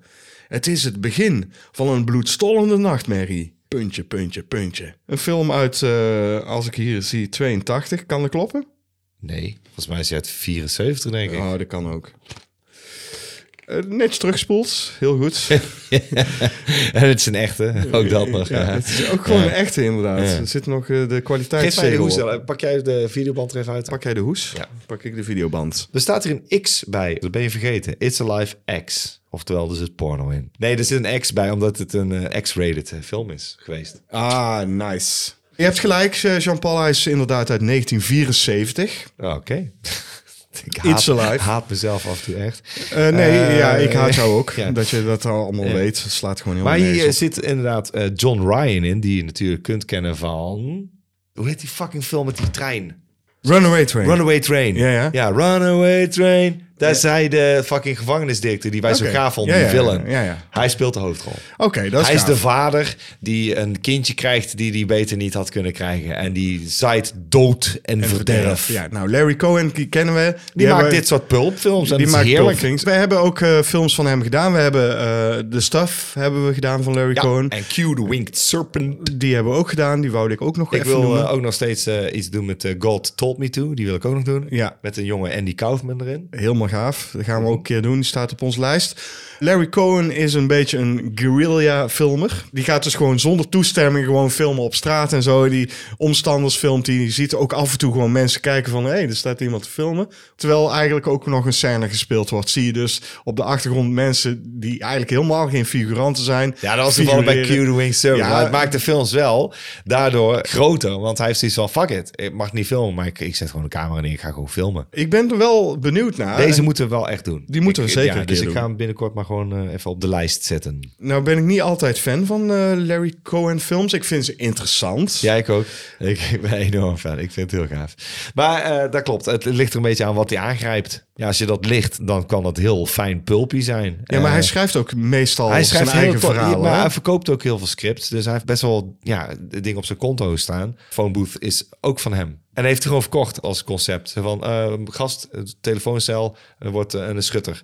Dat soort concepten schrijft hij. En dan denk ik, fucking clever. Er zijn pulpy concepten. En ik word daar blij van. Als ik zoiets hoor, dan denk ik, ja, ik hou van dat soort filmmakers. Van, ik heb een idee voor een film, man. Dat, dat en dat. Heb je dat al gedaan? Nee? Dan is dit de premisse. Ja, ja. En toen deed hij dat nog zelf. Van, ah, eh, baby, modern baby. Ja. Prima. Ja, Maniac Cop heeft hij ook gedaan, zie Oh, ik. Maniac Cop is fantastisch. Ja. Oké, dat is misschien zijn beste. Die we- ga ik En die nou heb ik op zeggen. DVD, dus... eh, Ja, daarom. Ja, ja, maar goed. Die gaan we ook nog een keer doen, want we zouden ook alle slashers doen. Maar ja, nee, daarom word ik er wel blij van. Dus deze komt nog terug. Ja, weer een videoband, eindelijk. Hè? De eerste videoband van dit seizoen die we man. eruit trekken. En, en wat voor een. Ja. Jezus Christus, man. Een, een, levende, een levende legende. Levende legende. Oké, over videobanden gesproken. Zullen we doorgaan naar onze special? Ja.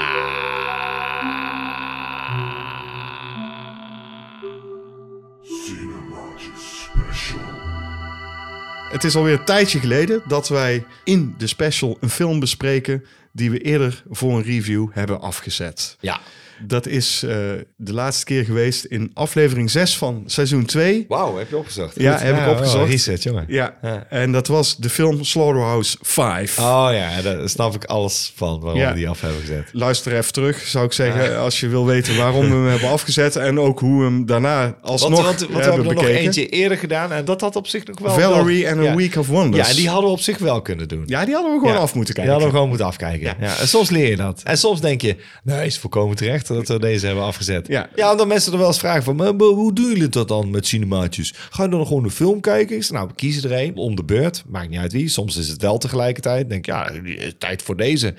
Dan doen we dat. En het kan zijn dat we na 10 minuten denken dat je elkaar aankijkt en zegt, godverdomme dit, ik weet het niet hoor. Ja. Of ik voel hem niet. Dat kan Ja, ook. Dat kan. En dan is van misschien voor later, maar niet nu. Weet je, als ik nu kijk, dan vind ik hem kut. Ja, precies. Eh, Het gevoel moet ook goed zijn. Ja. En als het dan niet is, hè, dan zetten we hem na 10 minuten, 15 minuten af. En dat was bij deze film niet. Deze film Nee, hebben we echt heel- fucking hebben lang best lang gekeken en zeggen, oh my god. We hebben eh, volgens mij een minuut of 40 gekeken naar deze film. Volgens mij zelfs langer, want En- ik sta mij nog bij dat ik dacht, wij zijn best een eind gekomen Ja, bij wij- het kijken nu. Ja, ja, het is lang geleden. Ik denk dat het in 2018 was dat we deze film gingen opzetten. En de Nou, reden daarvoor was... was omdat het zich afspeelt in 2018. Precies. Ja. Maar goed, we hebben hem dus afgezet. Het is de film Rollerball uit 1975. En JP, jij wilde heel graag de synopsis vertellen. Ja. Kom maar door. In de dystopische toekomst van het jaar 2018, waarin nutsbedrijven volledig de dienst uitmaken, is alles voor je geregeld. Wie je partner is, waar je woont en wat je status is. En als je dan nog ongelukkig bent, slik je gewoon een pilletje. Juist. De grote uitlaatklep van de meeste mensen is dan ook de internationale sport rollerball. Een soort kruising tussen American football op rolschaatsen en motocross. Het is een gewelddadige sport waarbij soms wel eens iemand het loodje legt. En ieder nutsbedrijf heeft zo zijn eigen team. Jonathan E., gespeeld door James. Caan! Daar heb je hem weer. Ja, het is wel grappig. Zit op een soort Caan-vibe. Ja, we hebben gewoon Ja, kaan. we hebben eh, gewoon een Caan op, eh, onze, op, op voor onze kanus. Het is een kanon. Ja, het is een- het is een kanon van, van Kaanfilms. Oh ja, dus Jonathan E. is de sterspeler van het Energy-bedrijf. En is tevens de enige die het al tien jaar heeft overleefd. Hij is dan ook erg geliefd. Ja, een topspeler. Zeker. Ja. Als hij na een succesvolle wedstrijd door baas Bartholomew op het matje wordt geroepen, dwingt hij hem min of meer om met pensioen te gaan. Het liefst nog voor de volgende wedstrijd. Jonathan E. voelt hier weinig voor, want hij wil zijn team niet in de steek laten. Bartholomew geeft hem enkele dagen om erover na te denken. Als Jonathan besluit om toch door te gaan, wordt er door hogeraf langzaam het vuur aan de schenen gelegd door de regels van rollerball steeds te veranderen en gevaarlijker te maken. Jonathan wil weten waarom. Ik weet al waarom. Ja, ik ook. Het eerste wat mij opviel toen ik deze film weer opzette, Ja. was dat geweldige lettertype. Ze hebben één font. Nee, ik vind het vet. Ja, het is zeker vet, let. En, en ook de poster van deze film is te gek gewoon. De film begint dan vervolgens met een super vette actiescène met die sport. Ja. Met dat rollerbal. En dat duurt bijna een kwartier. En daarna duurt het keilang voordat er weer rollerbal komt. Maar wat viel jou nog meer op? Voor een toekomst die zich in 2018 afspeelt, ziet alles er enorm mid jaren 70 uit. Alles is bruin en oranje. Dat klopt, maar Ja. ik vond het wel toffe locaties hebben ze gezocht. Ja, de BMW eh, headquarters is het volgens mij. Ja, in München. Ja. Eh, en dat klopt, die, die zijn goed gekozen. En eh, het staat trouwens op de cultuurerfgoedlijsten, die gebouwen.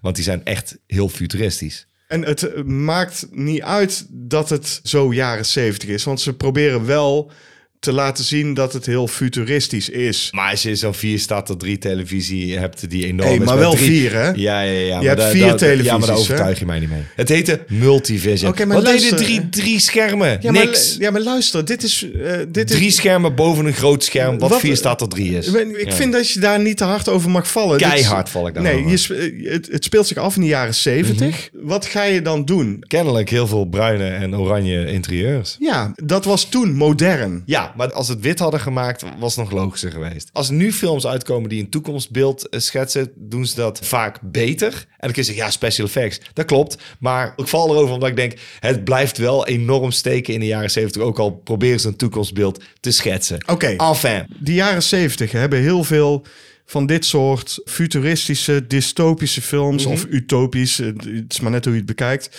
eh, gemaakt. En wij hebben er een aantal van gedaan in Ja. onze reviews.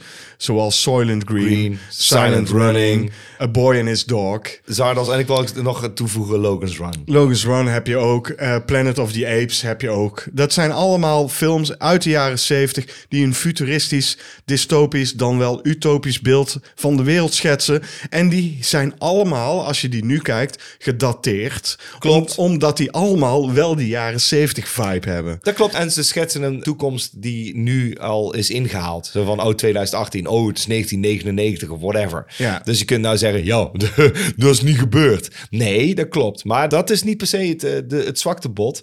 Wat ik daar problematischer aan vind, denk ik, is... en dan voornamelijk Soylent Green, Silent Running en Logan's Run... en deze film hebben het, eh, precies hetzelfde... is dat belerende vingertje. Zo van, eh, nou, als je Ja, niet het oppast, maatschappijkritische. dan- ma- maatschappijkritische. En dan lijkt het een soort spotje van eh, Postbus 51. Van als je nou niet oppast. blablabla. Het ironische is, is dat ze in heel veel dingen eh, Gelijk deze, hebben. Zeker, zeker gelijk hebben gekregen. Ook al is het niet precies in hetzelfde jasje. Want ze kunnen het niet helemaal bij het juiste eind hebben. Weet je wel, dat entertainment en dat grote kapitalistische bedrijven Ja. de, de dienst uitmaken. De Ja. maatschappijkritische zit er inderdaad in. En Ja, dat, dat is ook van die tijd. Ik bedoel, ze komen net uit die hippie-tijd.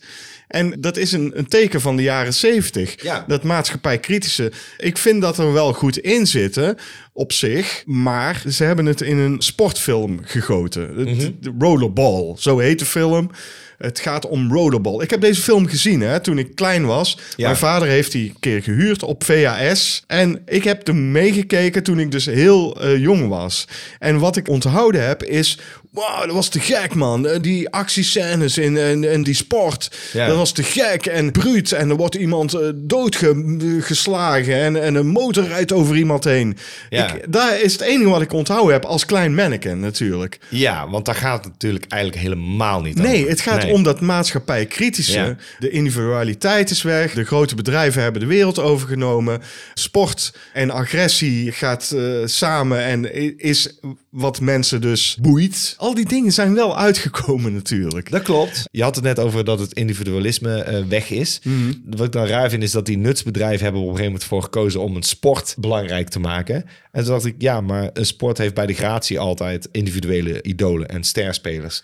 Dus ze vinden het niet leuk dat Jonathan E. Mhm. zo'n belangrijke, weet je wel, individuele acties doet. Want dat ondermijnt hun gezag. Ja. En toen dacht ik, had dan godverdomme geen sport gekozen, man. Ik bedoel, iedere sport heeft dit. Voetbal. Ja, ik kijk voor die speler. Ik weet ook wel dat je kijkt omdat je naar je clubje wil kijken.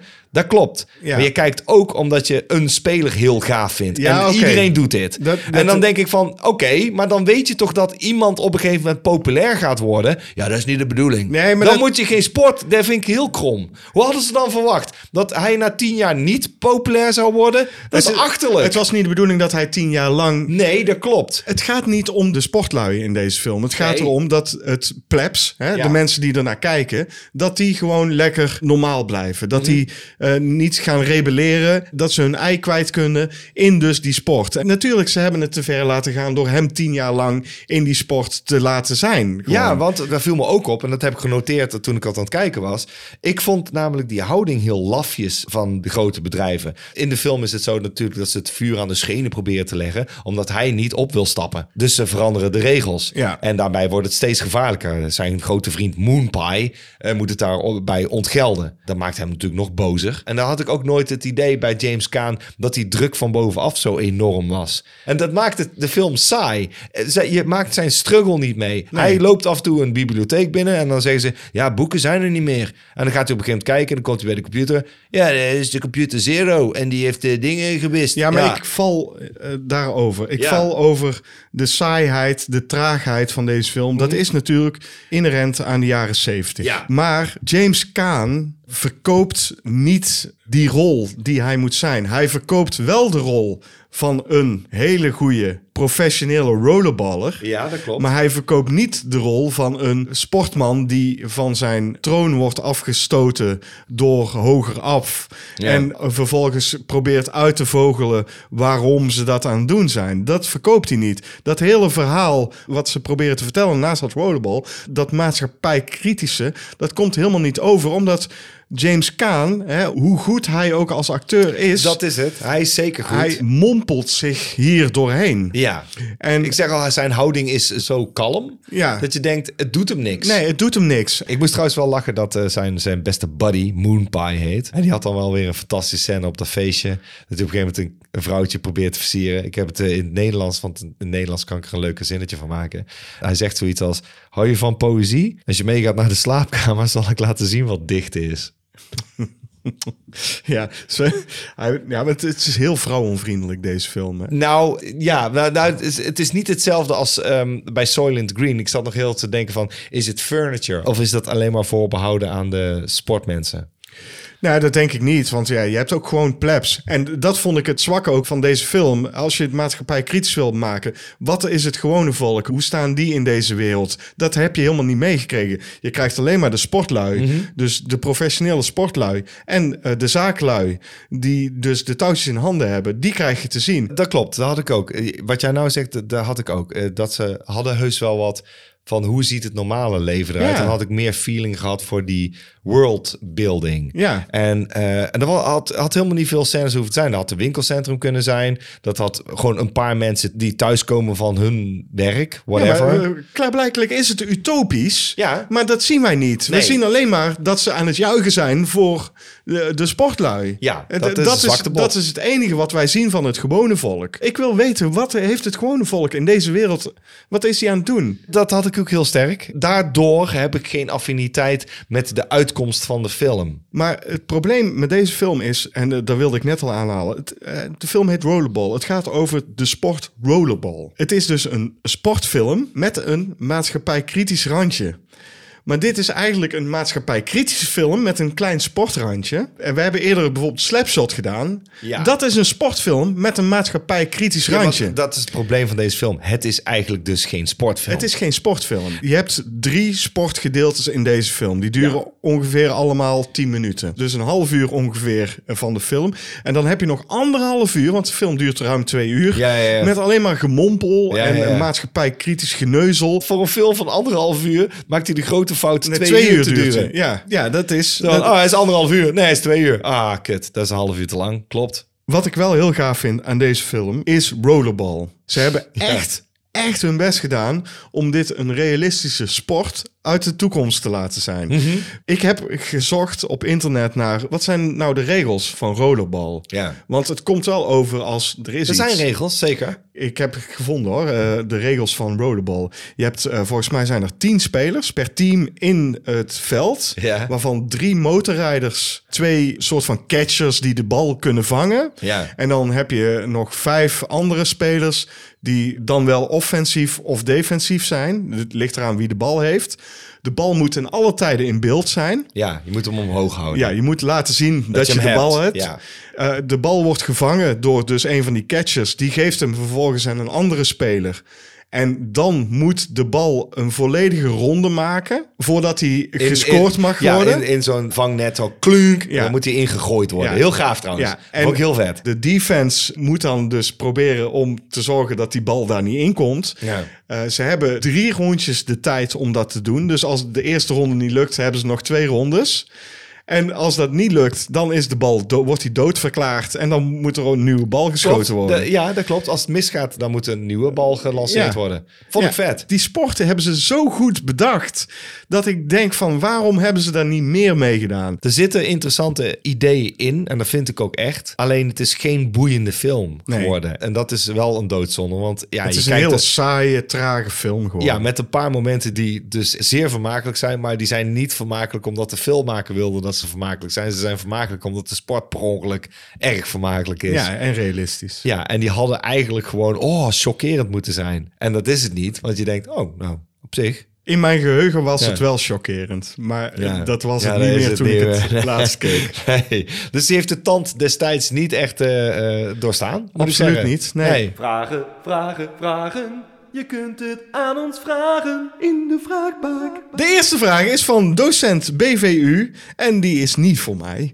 Want hij vraagt... eh, JP, jij verzamelt toch action figures? Hoe groot is de verzameling? Wat was de mooiste aanwinst? En wat verlang je nog? Veel te veel vragen, docent BVU. Ja, het zijn Eh, meerdere. Ik ben blij dat jij dit vraagt, want dat scheelt mij ook weer huiswerk. Mhm. En het scheelt ook eh, heel dat geneuzel wat de JP af en toe tegen mij loopt te zeuren van... Oh, ik heb dit op Marktplaats gevonden. Oh, moet je eens kijken. Oh, oh." Ja, eh, boeiend. Waar heb je... vertel. Maar fijn dat je dat zo, zo kleinerend eh, wegzet. Nee hoor, ik vind het hartstikke leuk dat je daar zo... eh Ik verzamel inderdaad Ja. best wel veel speelgoed, omdat ik dat gewoon gaaf vind. En- heel goed. ja, dat is het toch ook? Ja, Want als action het, figures. Nee, want als het action figures... Nee, dat is het verschil. Als het een action figure zou zijn, dan zie ik altijd een ouder publiek... eh, en dan die poppetjes die nu gemaakt worden op dingen die wij vroeger leuk vonden. Niet helemaal hoor, want ik vind een action figure moet, moet een action feature hebben. Ja. Nee, ik ga echt wel voor het oudere speelgoed, omdat ik het gewoon gaaf vind wat ze toen verzonnen om kinderen te vermaken. En dat ik denk, ja, dat doen ze nou eigenlijk niet meer. Ik vind, vind plastic is meestal eh, abominabel, breekt ook af. En denk, kun je ermee spelen? Kun je er iets mee doen? Want ik kan me herinneren, en dat is ook een groot, groot gedeelte van mijn verzameling, is Masters of the Universe, dat je daar echt mee kon spelen. Ja. Die kunnen zwaardjes vasthouden, die kun je mee eh, slaan, die kun je laten vallen, dan breekt het niet. Ze hebben een als feature dat ze over de heup kunnen draaien, dat je ze kan laten slaan. Ja, ik, ik weet het. Ja, ik en heb je hebt ook gehad. Ja, je, Vroeger. Ja, je Ja. kunt, je kunt eh, kastelen, voertuigen. Dat kun je allemaal mee doen. Denk ik, ja, dat vind ik interessant speelgoed. Dus je verzamelt speelgoed, geen ik, action ehm, figures. s- soms. Maar eh, mijn focus ligt wel op eh, jaar, eind jaren 70, begin jaren 80. Hoe groot is jouw verzameling, JP? Niet heel groot, want ik, ik ben eh, take your picks doe ik altijd. Zo van wat ik leuk vind. Want Ja. anders is het... Robots. Oh, Robotjes robots vind ik leuk. Robotjes. En dan niet alle robots. Want het is van ja, soms denk ik dat is lelijk rood. Dat hoef ik niet. Ik vind Japanse robots heel gaaf. Dus ik, ik ga wel echt voor Japanse spul. En Ehm, Japanse lekkere manga meisjes vind je ook vind ik leuk? ook leuk. Ja, absoluut. Dus dat vind ik leuk. Niet dat ik daar eh, helemaal los op ga. Maar Nou, stijfie, kleintje. nee, dat valt er mee. Ik vind die gewoon interessant. Oké. Maar ik heb er wel een paar in mijn kast staan. Maar nogmaals, ik, ik beperk me altijd tot vijf of zes figuurtjes. En denk ik, ja, nou heb ik wel heb ik genoeg, toch? Micronauts heb ik een paar van. Ik heb een paar. eh, Een van mijn holy grails is inderdaad Lobros. En dat is een popje met eh, een soort krabmonster met, eh, met lichtgevende hersens. Nou, lichtgevende hersens, dan heb je mij al. Een poppetje wat ik denk ik al wilde vanaf mijn negende. En altijd als ik naar de speelgoedwinkel ging, was hij uitverkocht of ze hadden hem nergens. En dan ben ik echt gewoon overal geweest. Hè? En, en als kind, als negenjarig kind, is dat een trauma. Dat je gewoon, ja, ik heb eigenlijk genoeg geld. Nou, en dan, toen dacht ik, oh, eh, ik ga naar mijn oma in Den Haag. Nou, dat is een grote speelgoedwinkel, hè? Ja. Dat is een kast van een speelgoedwinkel. en dus ik naar binnen. Ja, en door het rek. Toek, toek, toek, toek. En ik zocht daar ene poppetje. Een Horde Trooper. En dat was een soort soldaat. Een robotsoldaat. En die wilde ik zo graag hebben. Want als je die kon stompen op zijn buik. Dan klapte die open. Nergens kunnen vinden. Daar ben ik, denk ik, 36 jaar naar op zoek gegaan. En die heb ik nou eindelijk eentje. Een echte officiële met staf. En uit die tijd. En ik heb ook een, ze hebben een remake gemaakt. Die heb ik ook. Maar ik wil een echte. Dus die heb ik eindelijk. Dus dat is een van mijn holy grails. Yes. Yes. Mooie aanwinst. Ja, dus. zeker een mooie aanwinst. Eh, ik moet zeggen, ehm, het is niet echt een action figure, maar die vind ik wel heel gaaf. Ik heb een Maleficent van eh, Sleeping Beauty. Een heel mooi porseleinen beeldje. Die is zo mooi dat je denkt, godverdomme. En Voltron robot heb ik hier staan. Die vind ik ook echt super gaaf. Ja, ik zie natuurlijk al die eh, speelgoedjes van jou. Ja, in de kast Ja, staan. en die en ze staan- staan, als je, staan als je allemaal, goed kijkt, eh, kun je ze, in sommige video's kun je ze zien. Ja. Op de achtergrond. Wat ik eh, altijd eh, de gaafste vind, is die dikke Hellboy met die gun. Ja, dat is een hele, hele gave. Zoek maar op. Eric So. Die heeft ooit een heel dikke Hellboy gemaakt. Ja. Het wapen wat hij heeft trouwens is eh, massief Ja, lood. die, ja, die Ja. haal ik er wel eens uit. Ja, dat dat weet jij niet. Ja, ja, dat die, is gewoon, die is gewoon lekker heavy. Ja. Ja. die is heel gaaf. Maar zijn er nog dingen die je verlangt? Nou, dat is grappig, want op het moment dat ik deze vraag kreeg, was ik dus nog op zoek naar een Micronaut poppetje, Baron Karza. En dat is dan een soort magnetisch poppetje, heel groot. Het is heel gaaf en hij ziet eruit als een soort Darth Vader of zo. Heel gaaf, zo groot. Eh, eh, ik, ik wijs aan ongeveer 25 centimeter hoog. Zoiets, denk ik. En die wilde ik nog, eh, maar die heb ik dus al besteld en die komt als het goed is van de week binnen. Hoppakee. Ik wil nog een Motra. Dus als Ah, mensen zich geroepen voelen om mij een oude, ouderwetse echte Motra van de Godzilla. Ja. Niet de nieuwe film. Nee, de ik snap heus wel, ja. Dan hou ik me ook aanbevolen. Dus die wil ik ook nog. Ja. Dus die. Goed. Wij waren dus niet die nerd podcast, hè? De, Nee. De, maar goed, eh, als je zulke vragen krijgt, dan wel. de volgende vraag is van Retro Game Papa. En daar hebben we een audiofragment van. Ja, hij mag hem zelf even stellen. Hey, Sine maatjes. Ik, eh, ik heb weer een vraag. Ik ben hier eh, door de fucking regen eh aan het uitlaten.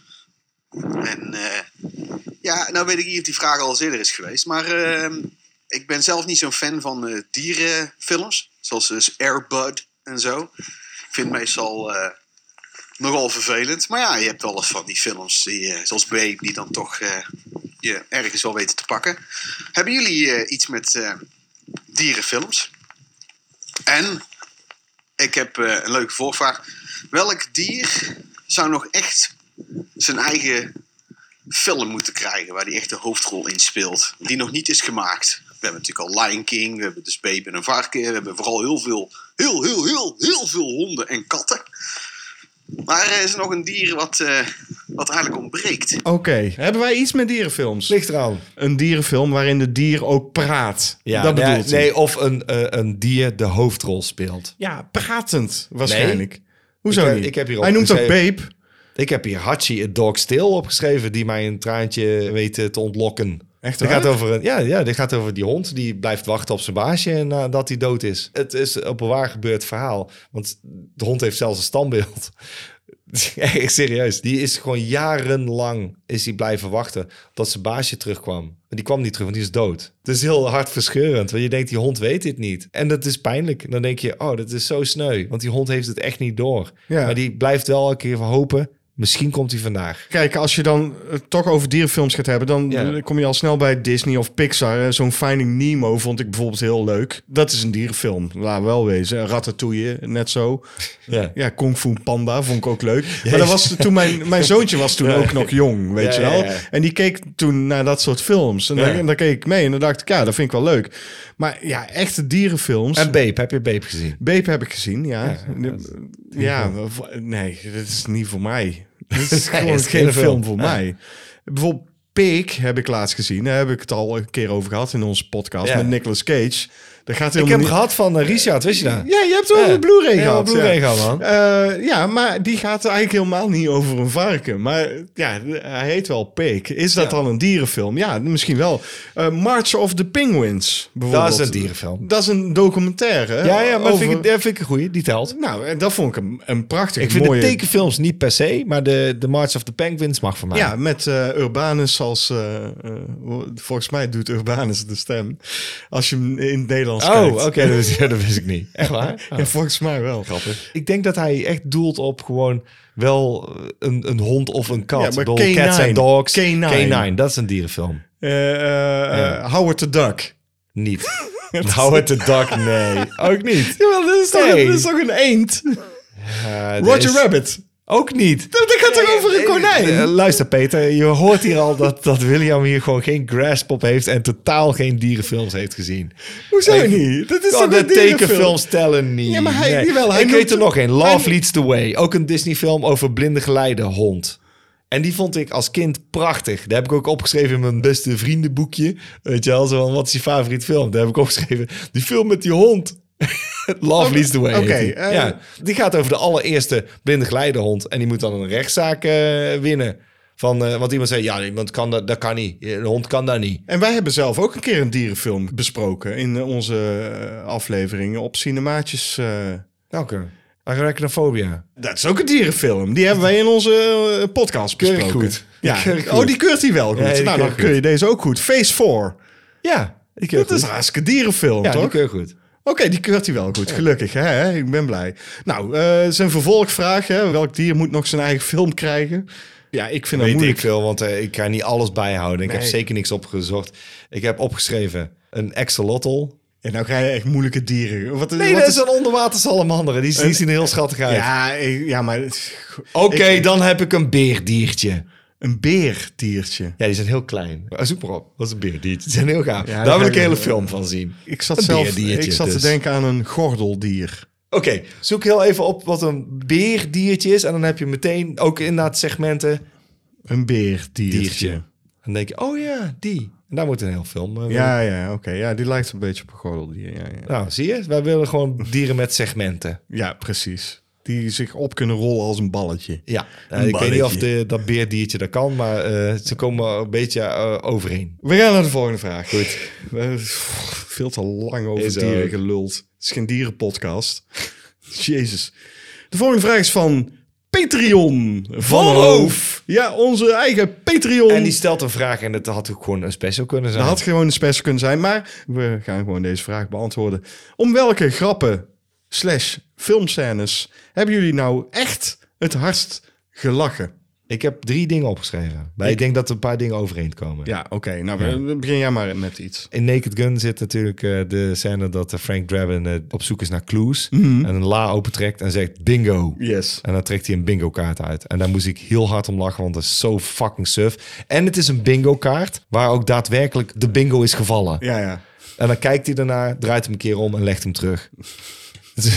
Bingo. Maar goed, dat de, de, de is gewoon ja, goed. Naked, gewoon een goede grap. Naked Gun zit uh, boordevol van dat soort grappen. Maar dat is degene waar ik heel hard om moest lachen. Ja. Zo eh, kan ik de hele film This is Spinal Tap... ja. Eh, ik denk dat ik het hardst gelachen heb om eh, de scène waarin de bassist blijft vastzitten in die pot. Dat hij er niet uitkomt. En op het moment dat hij eruit komt, dat hun weer terug erin gaan. En dan, en dan nog eh, klapt hij dicht en zit hij alsnog vast. Maar er zitten zoveel grappen in. Dit, sluit ik op aan dan. Puppet Show en Spinal Tap. Daar moest ik heel hard om lachen. Ja. Op een gegeven moment zijn ze gedegradeerd tot een optreden in een eh, pretpark. En dan staat er Puppet Show. En daaronder en Spinal Tap. Ja, maar ze hebben ook die Stonehenge grap. De, De Stonehenge-grap is fantastisch. Ja, de aubergine grap. Hello Cleveland. Dat ze eh, Ja. verdwaald raken. Als je al in een band zit, wat Ja. ik dus doe, is dat allemaal heel herkenbaar. Eh, This one goes to 11. Dat ze eh, dat album gaan signeren. Een black album met een Die- zwarte ja, stift. Ja, de, de- de- die staat alleen op de extra's. Maar dit is fantastisch. Ja, ik, dat maar is- Daar moet ik om lachen gewoon. Ja, ik ook. Die zit niet in de film. Die zit alleen maar op de extra's. maar dat is die dus, die, die hele film kun je gewoon, ja, daar kan ik gewoon continu om lachen. Oké, wat heb jij, heb jij nog iets? Eh, Ja, ik heb eh, uiteraard de Three Amigos. Ik kan bijna alles eh, invullen. Maar eh, ik heb als eerste natuurlijk Look Up Here. You! You! Hey you! Hey you! You too! You too! Ja, dus, het, eh, Steve. Martin heeft afgesproken dat ze gaan inbreken om hun kostuums terug te halen uit een, een warenhuis. Ja. En dat moeten ze midden in de nacht doen. En hij zegt, ik geef het teken. en eh, Martin Short en Chevy Chase zitten te wachten. En het erge is, op het einde van de scène merk je dat ze echt maar een kleine anderhalve meter onder hem staan. En hij probeert hun aandacht te trekken. En hij zegt, ik geef al een teken. En het teken is heel duidelijk, maar het wordt steeds luidruchtiger. Op een gegeven moment van, hey, look up here! en dan kijken ze pas op. Ja, het is briljant. Het Ja, is zo dom. Maar ik moet ook net zo hard lachen om. Are you the singing bush? Randy Newman, die de stem doet van een bush, die heel hard en heel vrolijk aan het zingen is. Ja. Het is een bosje die al wapper is met zijn takken. Ja. Dus dan, Are you the singing bush? Nou, ik moest heel eh, hard lachen om de flamenco-grap. eh, dat Chevy Chase fl- flamenco gaat zingen. Maar goed, dat is de, de Three Amigos ook. Zit Eindeloos, vol eindeloze, eindeloos gave Maar als je, als je echt naar één bepaalde grap in een film moet gaan kijken, ik. vertel. Eh, in Top Secret, het treinstation wat wegrijdt. ja, ik moet er nou al om lachen, inderdaad. Ja, daar heb je gelijk. Vooral ook perfect ge- geacteerd door Val Kilmer, die in de trein zit. En dan schokt hij een keer, alsof de trein gaat rijden. En dan kijkt hij ook verbaasd uit het raam. Dat is knap dat de film dat ook doet. Soms heb je dat, dan zit je in een station en dan rijdt een trein weg. En dan heb je heel even het idee van, oh, we gaan, oh nee? En dan kom je tot stilstand, omdat er vertrekt gewoon een trein. Ja. Dat gevoel weet deze scène helemaal over te brengen. Want je kijkt ernaar en denkt, oh, ik had het... En dan rijdt het station in zijn geheel weg. Ja. Het slaat nergens op, maar het is heerlijk. Ja, die film zit ook... De, nou, daar kun je ook eindeloos over doorbomen. Ja, ik heb een zwak voor, en dat is misschien bijna een guilty pleasure, voor eh, Liar Liar. Met eh, Jim Carrey. Jim Carrey, inderdaad. En vooral de scène dat hij dus erachter komt dat hij niet meer kan liegen. En dat hij toch wil proberen om te liegen met de blauwe pen. Royal Blue. The pen that I hold in my hand is blue. ik vind het, ik moet daar zo hard om lachen gewoon. Ik weet het niet. Ik, ik denk dat Deze vraag komt nog wel een keer terug. En dan, dan Ja, heb waarschijnlijk wel een paar Tap is, andere... eh, is Tap gewoon- heb ik ook super hoog zitten, dus dat snap ik. dat is gewoon echt... het Monty Python ook trouwens. Oh, zeker. Ja, nee, daar hebben we nog niet eens over gehad. Maar daarom zeg ik al, dat kun je eeuwig... Dit, dit, dit had een hele podcast kunnen zijn. Goed, gaan we door Volgende, volgende met vraag. de volgende vraag. Every... Everything dies. Nee, ja, zo kun je het zeggen. Maar het staat every twang. Every thong. Every twang. Every... Of every... every Every one. Everything. Teen. Teen. Punt. Dice. Everything dies gewoon. Eh, ik heb hem ontmoet. Leuke gast. Te gek. Hij, ik vond het leuk dat hij me aansprak ook. Hij zegt... Beste makkers. Dat, dat mag je nou zeggen. Hè? Ja. Ja. dat zijn we ook. Wat vinden jullie van manga en anime? Nou ja, we hebben net gehoord. JP heeft een paar manga poppetjes. Heb ik. Geile manga poppetjes heeft hij. Met droge Eh, kutten. ja, ik weet alleen niet waar die uit welke series die Ja, zijn. hebben wel droge kutjes. Eh, de- eh, nou, nee, eentje niet, want hij heeft een, heeft een inktvis eh, tegenaan eh, geplakt. Oh, En dan vraag ik me gelijk af. Wat is het verschil tussen manga en anime? Goeie vraag. Ik denk dat manga de strips zijn en anime is de tekenfilms. Echt? Ja, en Als als, ik- dat niet klopt, dan mogen mensen ons eh, verbeteren op eh, Facebook. Eh, Ik weet het niet. Ik weet, ik weet echt niet wat het verschil is tussen manga en anime. Ik weet Ik wel weet wat hentai, dat ken ik wel. Ja, dat wie niet. Hentai ken ik. Ja, ken ik ook. Daar heeft er ook wel verwantschappen mee, toch? Zeker. Maar heeft dat dan weer Er verwantschappen met geen, manga? er zijn of- geen droge kutten. Dat kan ik je wel vertellen. Nee, oh.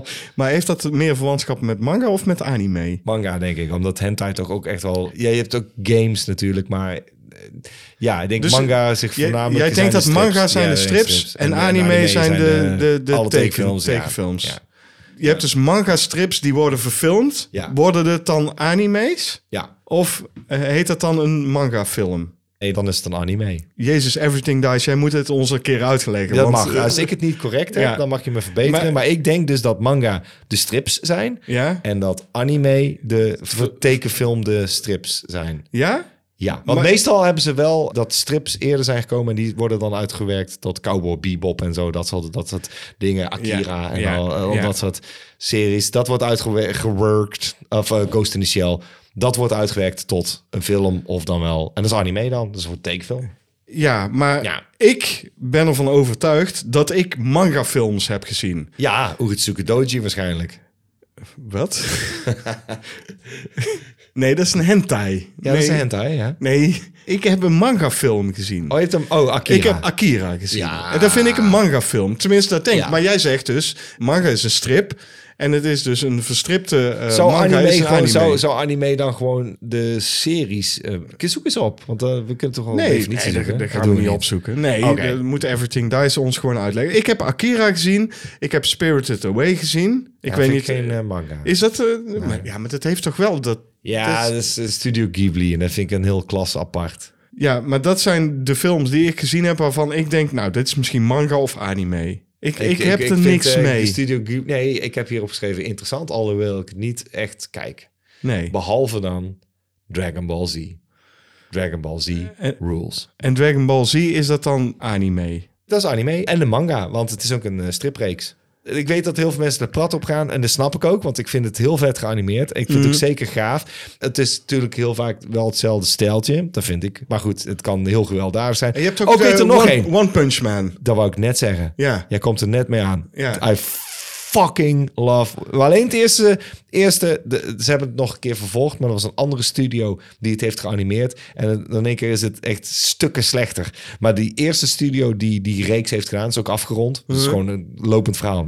Klopt. Dan denk je, cool. Dikke aanrader. Als je het nooit hebt gezien en je wil iets eh, meepikken van... Maar oh my Pokémon, is dat ook, ook valt dat Ja, onder manga of anime? Ik denk, denk dat, eh, dat eh, Pokémon wel een anime is, ja. Ja, zeker. Volgende vraag is... nee, ik wou nog even zeggen... eh, voor, ja, wij weten het gewoon niet. We weten niet zo goed wat... eh, Nee, ik, ik- nee. ik weet er niet te veel. Nee. Ik weet er niet zoveel van. One Punch Man was voor jou. Dankjewel dat je het hebt aangehaald, William. Daar ben ik het mee eens. Dat vind ik echt een hele gave. Ik hoor dat Berserk ook heel vet is. Nou, daar ga je al. Ja, wij weten het niet. Everything dat Dice, kom het een keer uitleggen. Ja. Of eh, als je Of ons zo. ziet, Ja. spreek ons weer aan. Hè? Makkers onder elkaar. Ik, ja, ik heb er niet zoveel anime mee. De volgende vraag is van Han Leopold. Hey, Hannetje. Eh, wat was tot nu toe het beste filmjaar? En hij heeft nog een vraag. In welk jaar heb je het meest genoten? Nou, zeg Of maar. bedoelt hij gewoon als ter verduidelijking? Ter- de- nee, ja. weet ik niet. Ik weet niet. Misschien Ja. is het wel zijn twee vragen. Kan ook twee vragen zijn. Nou, wie? Ja, jij begint toch? Eh, ja, ik heb eh 2007 en 2011. Oké, ik had eh, in eerste instantie 1987 en eh, 1999. Ja, goed. Volgende vraag. Ja, dat is kut, hè? Ja, je beter moet stellen. Dat is gewoon. Nee, laten we het niet zo flauw doen. Nee, maar ik had echt 1987. eh, qua filmjaar is denk ik het beste jaar. Oh, ik ben helemaal niet zo ver teruggegaan, maar dat zou kunnen. Voor jou is dat logischer, omdat ik veel later pas echt film ben Kijk, gaan kijken. in 1987, ik Ja, weet het tien. gewoon nog. En toen Ja. mocht ik niet altijd Nee. naar de bioscoop. Nee, en ik was toen 14. Ja. Ik weet, wij hadden toen een videorecorder. Wij waren best vroeg bij. En wij hadden een videotheek in de buurt. Ja. Ik ben op mijn 14e heel vaak naar de videotheek gegaan. In 1987, mag 88 zijn, maar de film komt uit 87. The Lost Ik wou Boys het net zeggen, The Lost Boys. was de film Ja, die ja. ik gewoon zo vaak ging huren. Dat is niet te doen gewoon.